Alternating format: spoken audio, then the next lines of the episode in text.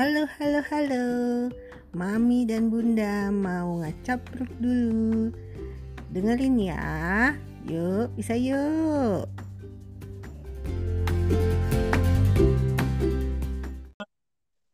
Jadi orang-orang tuh cari kesenangan itu udah mulai agak aneh-aneh gitu. Kalau menurut menurut aku tuh eh, nggak uh, make sense gitu. Kalau drug sih mungkin oh ya orang karena ada ini ya uh, kayak tadi kakak bilang ada pengaruh dopaminnya supaya happy-nya itu mesti gimana pakai obat dan lain-lain. Cuma kalau untuk yang untuk yang ini nih kayak nawarin cewek rumahnya di sini di sini alamatnya ini nomor teleponnya ini orang tuanya ini namanya ini di sini tinggalnya di sini bisa didatangin dan bisa diperkosa gitu kayaknya weird gitu ya aneh banget gitu orang kok cari kesenangan hmm. kayak gitu aneh banget ya Allah. Ya itu juga kan gangguan kejiwaan ya hypersexual terus atau misalnya dia punya gangguan genetik misalnya trisomi di gen apa yang akhirnya dia jadi kebanyakan gen cowoknya.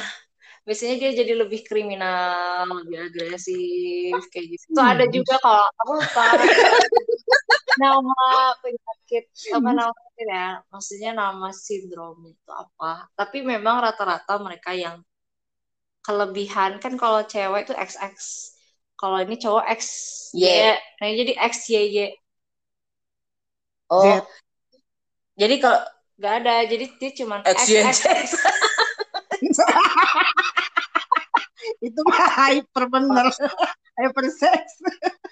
Uh, jadi X jadi dia tuh berarti kan istilahnya kayak dia cowok gitu, cowok banget kan kelihatannya, tapi dia agresif, terus juga impulsif kayak misalnya membunuh bla bla bla itu bukannya namanya psikopat nah hmm. psikopat itu enggak cuman relate atau links dengan si gangguan ini. Psikopat juga dia bisa jadi dari genetik, kemudian dipaparkan dengan environment yang yang sesuai untuk si psikopat ini atau gejala psikopat ini muncul. Oh, itu di Korean drama tuh. Judulnya Mouse. Yang main Lee Seung Gi. Itu mengenai oh, iya, tonton tuh. Ya, jadi oh, itu iya. mengenai psikopat yang memang dia diturunkan secara genetis. Jadi hmm. bapaknya itu psikopat, kemudian eh, si anak itu udah pasti psikopat. Dan itu di, dibuktikan dengan eh, penelitian bahwa si anak ini udah pasti psikopat karena gennya adalah ini dan ini gitu. Emang kan kalau gangguan kejiwaan itu tapi kan itu kok drama ya, iya, belum tentu benar gitu. Tapi tapi kalau dari dokter psikiaterku memang bilangnya oh, gangguan kejiwaan itu 50% gennya diturunkan oleh orang tua. Nah, once dia tuh once dia muncul gejalanya tuh kalau misalnya terpapar lingkungan yang sesuai dengan si gen ini gitu. Kayak misalnya disiksa lah anaknya atau misalnya dia dibully sama teman-temannya kan akhirnya ada gejala-gejala psikis atau cedera psikis yang memunculkan si gejala memicu ini muncul. Uh, uh gitu jadi memang dia butuh pengobatan gitu nggak cuman kayak lo sholat deh gini-gini kan rata-rata orang kayak gitu ya apaan sih kayak jual derita doang. Tapi sebenarnya ya, ya itu balik lagi ke definisi sehat menurut WHO gitu gak banyak orang yang tahu kalau apa ya psikis itu juga sepenting dengan kesehatan fisik gitu bahkan dari fisik juga kan eh maksudnya dari psikis gitu dia bisa mempengaruhi ke pencernaan, ke jantung, terus ke stroke gitu. Jadi nah, memang Kak, itu tunggu Kak. Banget. Ada pertanyaan. Apa? Kan Kak eh, kalau Kakak bilang tadi menurut psikiaternya Kakak itu si, semua gangguan gangguan jiwa, gangguan mental itu adalah gen ya. Jadi keturunan gitu maksudnya. Ada mostly, berdasarkan mostly. mostly. Oh, mostly. Oh, jadi dong tanyanya. Maksud gue, tadinya gue mau bertanya soal dia uh, gay itu itu keturunan atau memang bisa ditularkan gitu loh kak? Nah itu banyak kayak orang yang mitos gitu. Cuman aku baca di jurnal CBI biasanya kedokteran itu baca di situ sumbernya. Jadi istilahnya tuh kayak gay dan lesbian itu mereka itu adalah variasi normal kayak kita bukan kayak kita ya. Maksudnya dia variasi normal gitu. Istilahnya dia itu variasi seksual gitu maksudnya. Oh, oh, bukan enggak. bukan Jadi, jadi si cowok ini misalnya cowok ini gay kan. Tapi dia Heeh. secara otak itu kelaminnya cowok, tapi dari secara otak dia lebih apa ya, lebih cenderung Feminim. cewek, feminim gitu. Dan itu banyak, maksudnya sekitar 3% waktu itu sih ditelitinya cuma di Amerika doang. Jadi ada 3% dan itu dianggap variasi normal. Dulu eh kan dulu tuh jadi menurut eh, penelitian gay itu adalah makhluk. No, no, no, bukan makhluk, tapi dia itu adalah suatu variasi normal yang jadi dari otak kita terbentuknya. ya enggak maksud bunda gini. Ada cewek ada kan kita taunya eh, yang jenis jenis ya. Makhluk itu ada makhluk eh, betina ada makhluk jantan. Kok makhluk sih? Ada makhluk eh, berarti kalau dibilang itu variasi norm varian normal berarti ada laki ada perempuan ada Half. gay jadi itu sebenarnya memang eh, Tuhan itu ngasih beberapa jenis eh, manusia Seksual. bukan seksual Bukan ininya maksudnya tuh dari secara struktur otaknya itu ada yang kayak kalau misalnya kita lihat spektrumnya, misalnya anggaplah spektrum yang kiri itu cowok, yang kanan itu spektrumnya cewek gitu ya. Hmm. Mungkin kalau kita spektrum semuanya cewek gitu, dari segi kelamin, dari hormon, dari otak itu dia cewek. Hmm. Ya. Nah, terus kalau cowok cowok gitu ya, spektrum ke kiri. Ya. Nah, tapi ini ada Hmm. yang ke arah middle. Jadi dia itu kelaminnya memang cowok dan cewek ya bentukannya, tapi Hmm, dari hmm, wire-nya, brain wire-nya itu berbeda gitu. Dan itu variasi normal disebutnya. jadi bukan abnormal mereka. Ini variasi bukan normal. berarti menurut kedokteran gay itu sebenarnya bukan abnormal dari genetis. Bukan. Ya itu variasi normal aja gitu. Nah tapi dulu itu sebelum tahun 9 kalau salah 1944 atau 1960 gitu. Psikiater dan psikolog itu dia punya panduan manual eh, statif manual gitu ya. SM6 dulu tuh DSM 3 nah DSM 3 masukin homosexuality itu adalah suatu gangguan kejiwaan. Tapi setelah diteliti ternyata oh itu variasi normal. Jadi akhirnya di exclude bikin DSM baru panduan baru kayak istilahnya kayak kita bikin KBBI diperbaharui terus Naon sih Hmm. DSM? Naon sih KBBI? Emang lu ham-ham-ham ngerti lu? KBBI itu ini Kamus loh besar bahasa Indonesia gua tahu.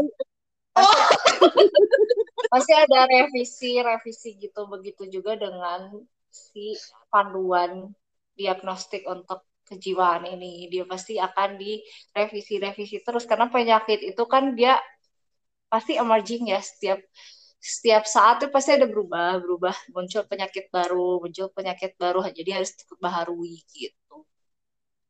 Jadi si homoseksual ini dia masuknya variasi normal gitu. Tapi ada juga beberapa kepercayaan ya maksudnya inilah ya kalau misalnya kita di sini hidup di sini tuh orang bilang kalau itu tuh nggak normal gitu nular gitu padahal nggak nular nggak nular nggak nggak sama Iya sekali kan? nggak nular. Kan orang Mm-mm. suka berpikiran kerja di salon jadinya bencong, gitu kan? itu stigma Terus aja jadi perempuan jadi atlet, jadi kayak laki, gitu kan? Eh, Stigma yang begitu-begitu kan jadi budaya gitu, jadi umum gitu loh. Ya, memang di sini itu karena mayoritas Muslim. Jadi kayak kita tidak karena mayoritas Muslim, udah pasti kayak kita udah punya akar yang kuat, fundamental yang kuat. Kalau itu tuh suatu hal yang gak normal gitu loh. Gitu. Jadi harus dibedakan kalau menurut aku mah. Kalau membicarakan agama beda, gitu. beda lagi. Kalau berbicara dari segi medis beda lagi. beda lagi gitu loh. Which one which one do you wanna pick? Medis lah. Ya, karena Iya, gue selama ini me- tidak merasa mereka abnormal sih. ya aku juga sama sih kalau menurut aku memang banyak juga ya orang yang percaya kalau itu tuh bisa diobatin kok karena dia pernah masuk Iya, DSM gitu kan tapi DSM tuh apa sih? Ya itu di- diagnostik statistik manual KBBI. Istilahnya itu dia panduan, di situ ada diagnosa, diagnosa kejiwaan di situ di modul, nih, modul, modul. Di situ ada kriterianya harus ada apa-apa-apa supaya bisa ditegakkan diagnosanya itu. Hmm, oke. Nah, sekarang itu karena udah diperbaharui dan ternyata diketahui kalau itu adalah variasi normal, jadi nggak perlu obat gitu ya. Udah jadi ya udah living the normal life aja. Gitu. Nah, cuman Iya. memang Uh-uh, untuk mereka kan berarti ada risiko-risiko tertentu ya dengan sexual orientation yang berbeda dari orang straight gitu ya. Itu juga harus diterima juga. Kayak misalnya harus menggunakan pelindung, karena kan mereka mesti dari anal sama oral sex ya. Udah pasti Kan laki perempuan pun seperti itu, Kak. Kalau kegiatan seksual sama. Hmm, mm-mm, tapi maksudnya kalau cowok ini lebih beresiko, lebih cowok dengan cowok tuh lebih beresiko dibanding lesbian. Karena dia itu masuknya lewat anal kan. Anal tuh kotor, tempat kotor gitu kan, isinya banyak bakteri gitu. That's why kayak kalau misalnya kita Emang kalau lesbian lewat apa? sister dengan itu dengan itunya vagina. kita atau Viagra atau dan lain-lain gitu. Jangan digaruk diusap aja. Iya gitu deh pokoknya. Jadi yang lebih berisiko itu golongan-golongan yang iya itu gay, gay karena mereka eh, berhubungannya lewat anus di mana anus itu kan banyak bakterinya kan, banyak banget. Dan itu kenapa mereka lebih rentan terkena infeksi apalagi digesek kan. Jadi itu mukosa yang ada di anus dan juga mukosa yang ada di penis itu juga gampang rusak yang akhirnya terinfeksi gitu. Itu jorok juga. That's why kayak mereka harus memproteksi diri mereka lah gitu, pakai kondom. Mukosa itu kan buat sholat, Kak. Itu salah mukosa tuh istilahnya kayak gini, Mukena. Kulit itu gula. kayak kalau misalnya di, di ini kan kulit ya. Kalau Hmm. mukosa tuh misalnya kayak di dalam pipi, di dalam bibir itu kan ada yang licin ya. Hmm. Nah, itu disebutnya saliva. mukosa saliva itu air liur. Iya, air Gitu. liur. Iya, mu- Mukosa, mukosa itu lapisan kulit kulit nih kulit dalam nih yang di dalam bibir tuh Hmm. yang yang itulah tipis mukosa Oke, oke. Nah, Harus dijilat dulu, gue baru paham. di anus juga itu ada mukosanya. Nah, itulah di di di penis kan kulitnya ya, karena digesek-gesek-gesek terus kan maksudnya itu pasti akan menyebabkan luka ya. Dan dari luka itu juga akhirnya terinfeksi dari bakteri yang ada di anus. Itu makanya kenapa mereka lebih sering terinfeksi eh, STD, sexual transmiss transmitted disease. Iya, ya kalau kalau dari gue memandang mereka normal itu karena semua yang mereka lakukan sebenarnya hetero pun lakukan gitu loh. Hmm. Tapi Iya, kalau sama aja kalau menurut gue. hmm, tapi akan berisiko lagi kalau bisexual. Bisexual. Oh iya, ke cewek iya, ke cowok iya gitu. iya. eh, kalau yang hetero sih biasanya kecilnya persentasenya, jadi yang lebih banyak itu memang di gay. Hmm. Karena mereka tuh juga apa ya istilahnya tuh ya maksudnya dari penelitian juga mereka punya partner lebih dari satu partner seksual gitu dibanding yang heteroseksual kan dia lebih steady ya hubungannya dimilih satu Hmm. kecuali sexual workers. Mm-mm. It- Nah, Oh, gitu. oke. Ya, ya, ya, ya. ya. Jadi yang Jadi suka gonta-ganti pasangan pun sebenarnya sama sama beresikonya sama gay atau lesbian gitu kan.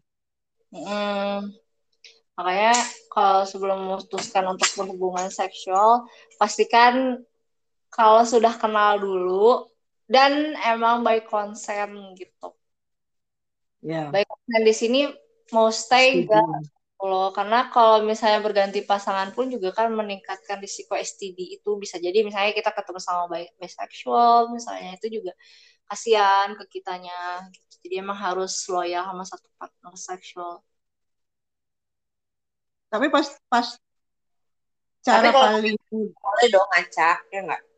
boleh tapi akan lebih baik punya satu Kalau pakai kondom boleh dong ngacak. karena kalau kondom itu dia tuh 99% kalau kalau misalnya digunakan lubrikan terus udah gitu uh, ukurannya sesuai kemudian um, si kondom ini itu dia tidak digunakan dua kali dan dilakukan interruptus coitus jadi uh, ketika spermanya mau keluar langsung ditarik sebelum keluar dia baru bisa 99%. Tapi kalau pada nyatanya dia itu sekitar 72% karena ada risiko sobek kan si kondom itu.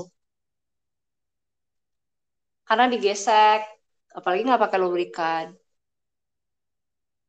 Hmm. Jadi pakai kondom pun mesti pakai lubrikan, Kak.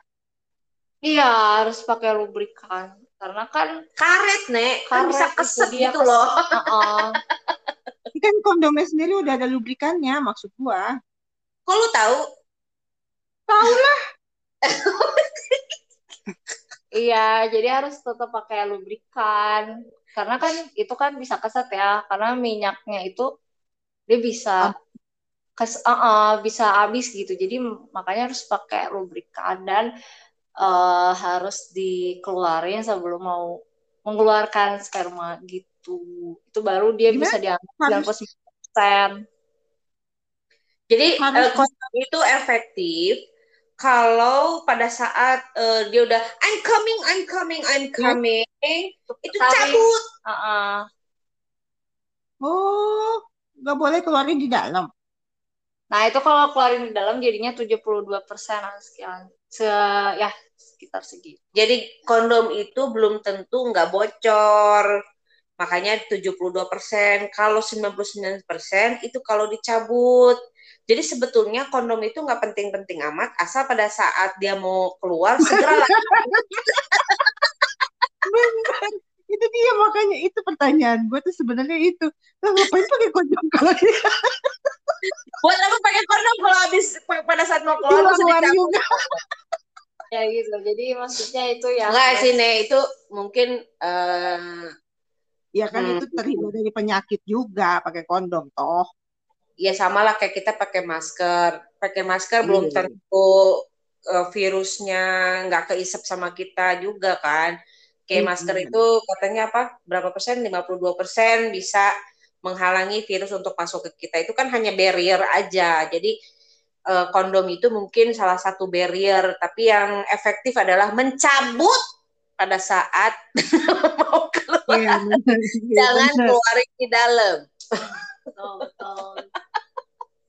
Gitu. Atau misalnya si laki-lakinya itu punya penyakit, ya kan, yang bisa Hmm, menularkan melalui eh, darah atau eh, kayak HIV gitu kan, atau misalnya punya eh, the king, the lion Lion king gitu kan, dia punya lion king atau apa, kalau misalnya pakai kondom akan mengurangi tingkat eh, pencemarannya atau penularannya gitu. Tapi kalau pakai HIV pun, mak- maksudnya kalau HIV pun ya, kalau misalnya udah tahu HIV, tetap harus minum ARV untuk menurunkan viral load-nya. Begitu juga dengan pasangannya itu ada ya kalau tapi nggak tahu kalau di sini ada apa nggak. Ada namanya profilaksis tablet. Jadi dia itu untuk me- melindungi kita, kayak semacam ARV gitu, untuk melindungi kita supaya tidak terinfeksi sama si virus itu. Karena mereka yang minum ARV itu tetap ada virusnya, tapi viral load-nya rendah gitu dan tidak cukup untuk menginfeksi karena salah satu faktor yang bisa menyebabkan si virus itu menginfeksi adalah dari jumlahnya, terus dari patogenitasnya atau misalnya bagaimana mereka menyebabkan penyakit sama jum- jumlah ya. Iya, sama jumlahnya gitu. Sama faktor dari imunitas tubuhnya juga, um, imunitas tubuh kitanya. Gitu. Oh, jadi Itu bisa gini. sembuh nggak sih, Kak? Sebetulnya, HIV? sebetulnya. Ah, HIV. nggak bisa karena sampai sekarang belum ada ditemukan obat ya. Obatnya itu hanya untuk menghentikan replikasi virus. Jadi yang tadi yang RV tadi minum obat RV, ARV, ARV. ARV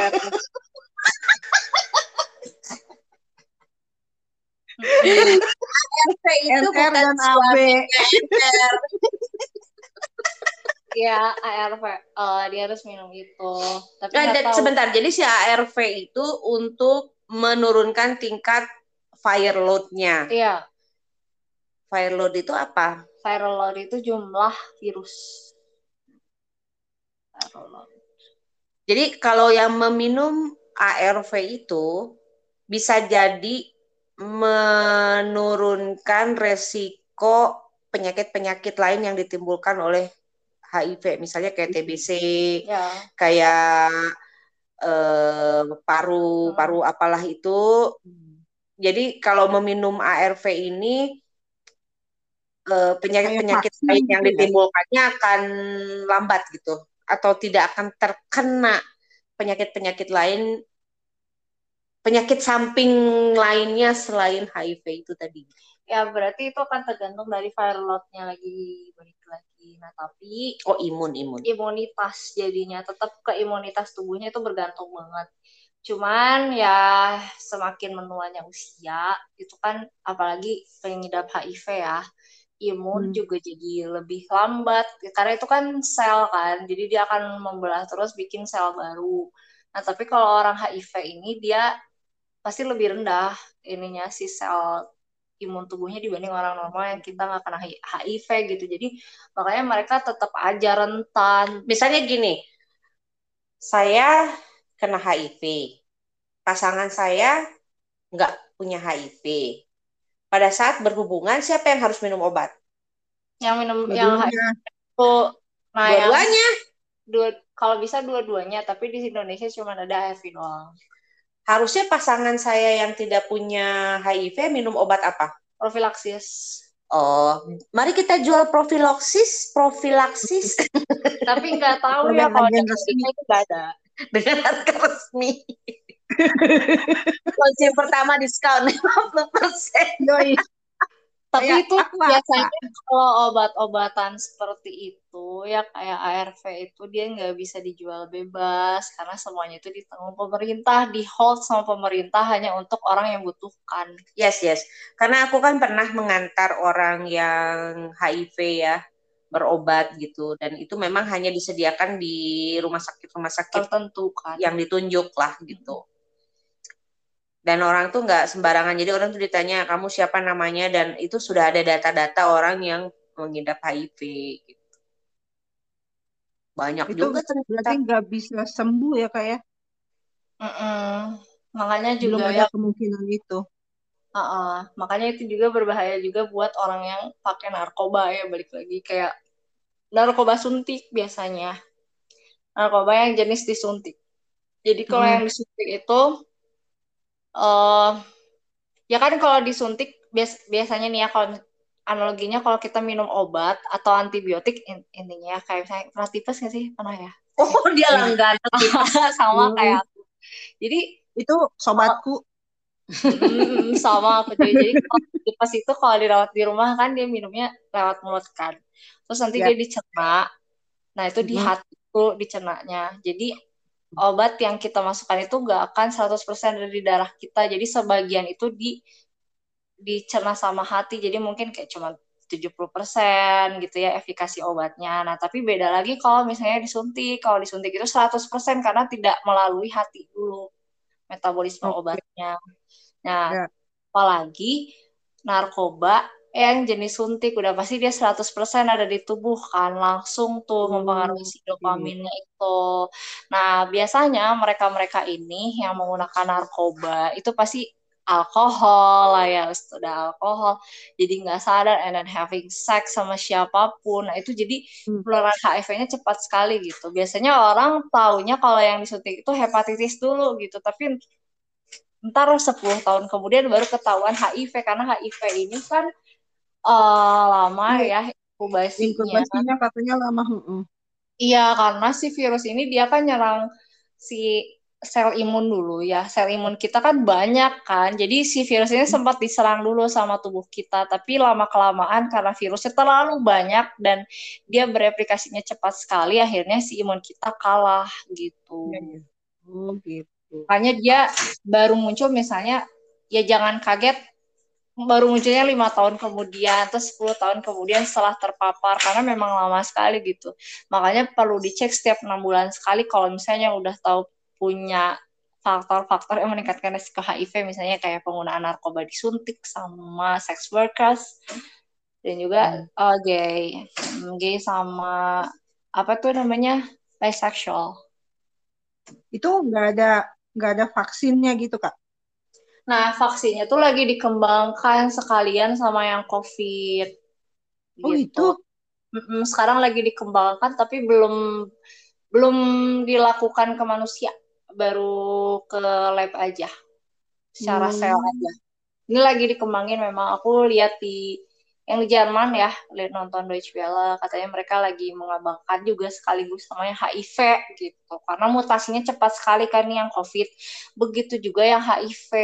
Setiap orang tuh punya strain yang berbeda. Kalau HIV Hmm. itu itu susahnya, makanya dia susah disembuhinnya. Banyak sekali ternyata penyakit. Iya, makanya pokoknya hindari narkoba. Kalau udah narkoba itu kan ngaruh ke psikis, dari psikis jadi reckless behavior kayak misalnya alkohol, terus juga reckless sexual engagement itu juga. Ya pokoknya hindarilah narkoba kayak gitu. Kita pengen live longer, li- live happier kan, Iya. Hmm, itu intinya.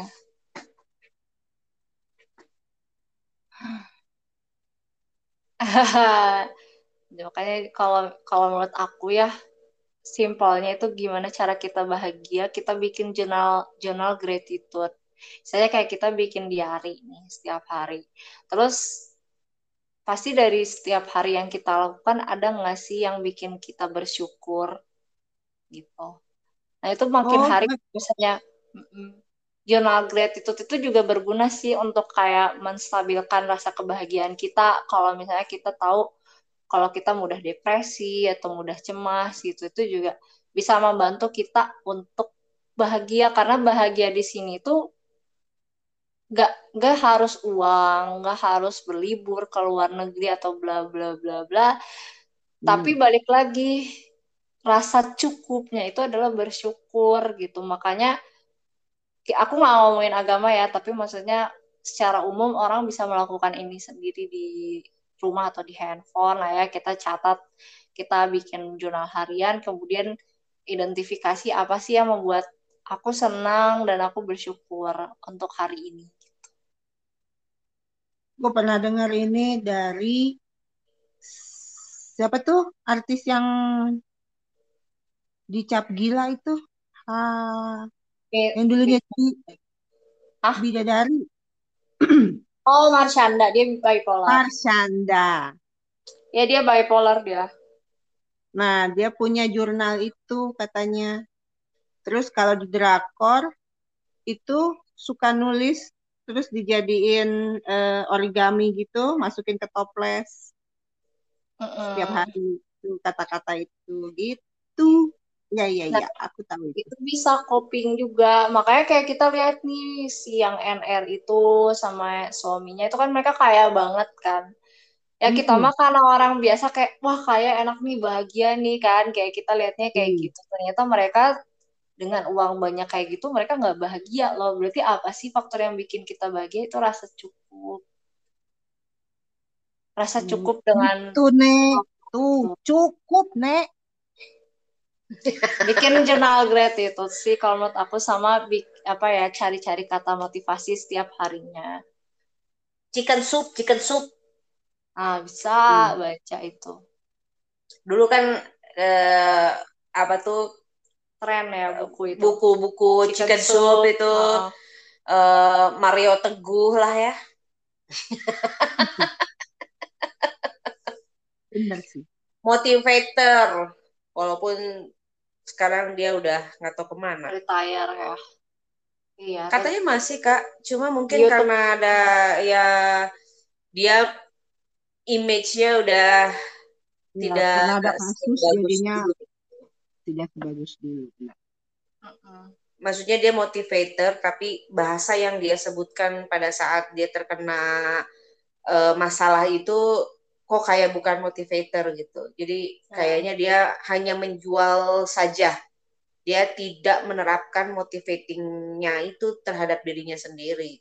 Jadinya orang jadi nggak percaya gitu. Iya hoax Hoax.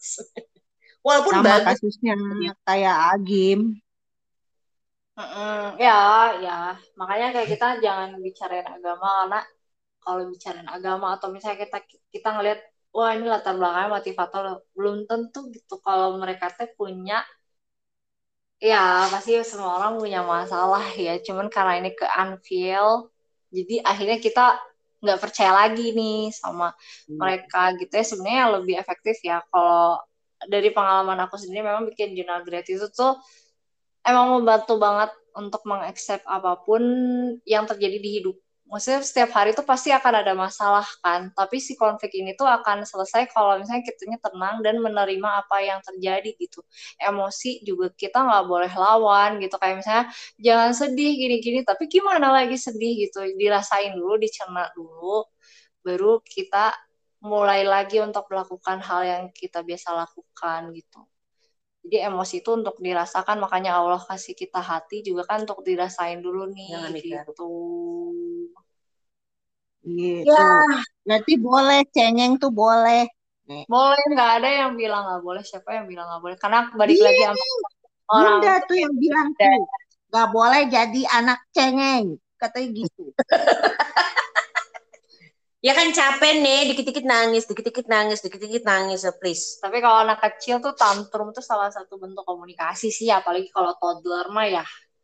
Apa ya tapi kan ya, tantrum ya setantrum cengeng ya mungkin. aduh capek deh dengernya ya anak kecil kayak toddler di bawah tiga tahun ya pasti pasti mereka. tapi ada juga yang nggak tantrum hanya anak tertentu saja yang tantrum Ya, cuma maksudnya tantrum juga salah satu bentuk mereka berkomunikasi. Ya kayak bayi baru lahir nangis tuh bentuk komunikasi. dia kagak bisa bilang apa yang ada di dalam Iya. hatinya jadinya tantrum Nangis tapi kalau tantrum tiap hari sehari bisa tiga kali empat kali there's something bahaya. else lah Heeh. Ya perlu dilihat juga sih tantrumnya karena apa juga. Ya oke, eh, today kita udah ngomongin banyak ya.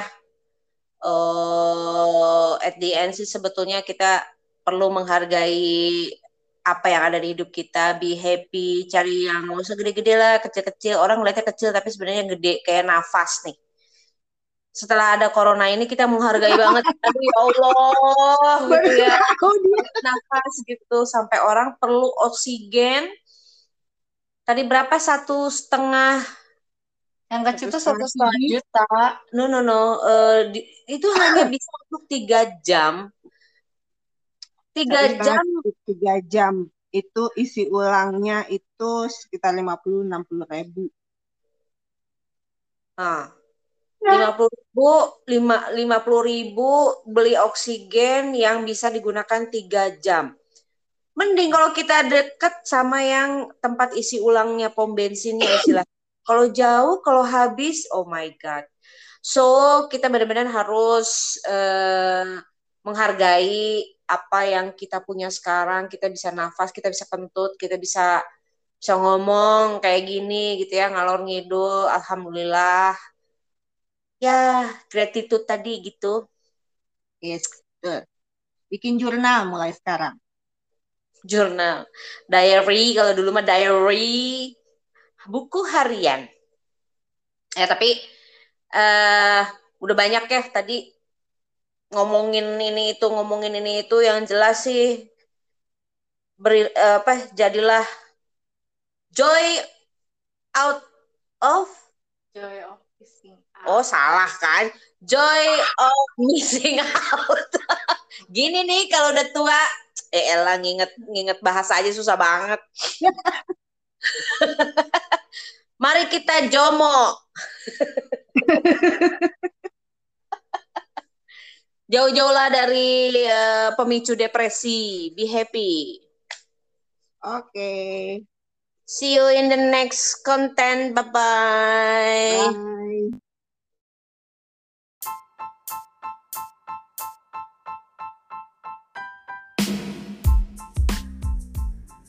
Makasih ya udah dengerin caprukan kita. Sampai ketemu di episode yang lainnya. Sehat-sehat everybody. 5, 4, 3, 2, 1.